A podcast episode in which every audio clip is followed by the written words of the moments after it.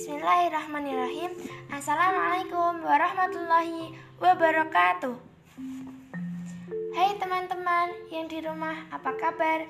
Semoga sehat dan selalu dalam lindungan Allah Subhanahu wa taala. Apalagi untuk kaum rebahan, jangan cuma rebahan aja ya teman-teman, tapi lakukanlah kegiatan yang bermanfaat.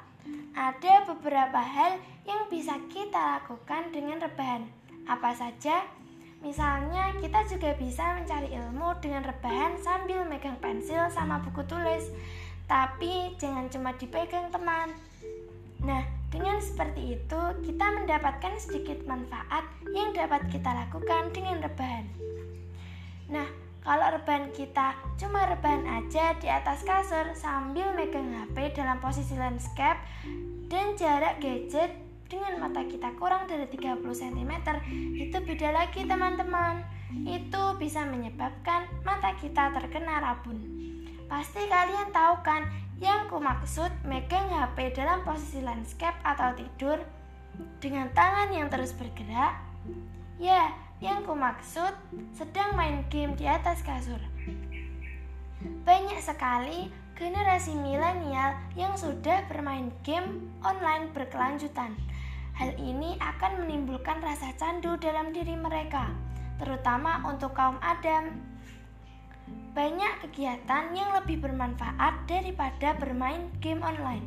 Apalagi sekarang lagi bulan Ramadan, kita sebisa mungkin harus mengambil kebermanfaatan dari bulan ini.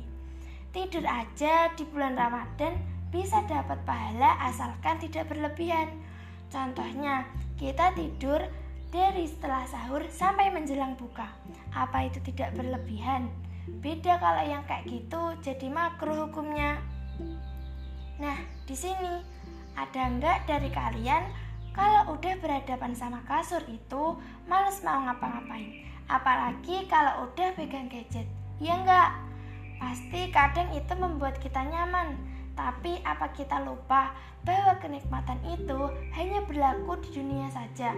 Nah, ini salah satu cara untuk mengatasi rasa malas kita kalau udah di kasur pegang gadget. Ibu teriak, Nak, tolong beliin gula. Saking udah enaknya kita jawab, sebentar bu. Bilangnya sebentar, tapi setelah setengah jam gak datang-datang.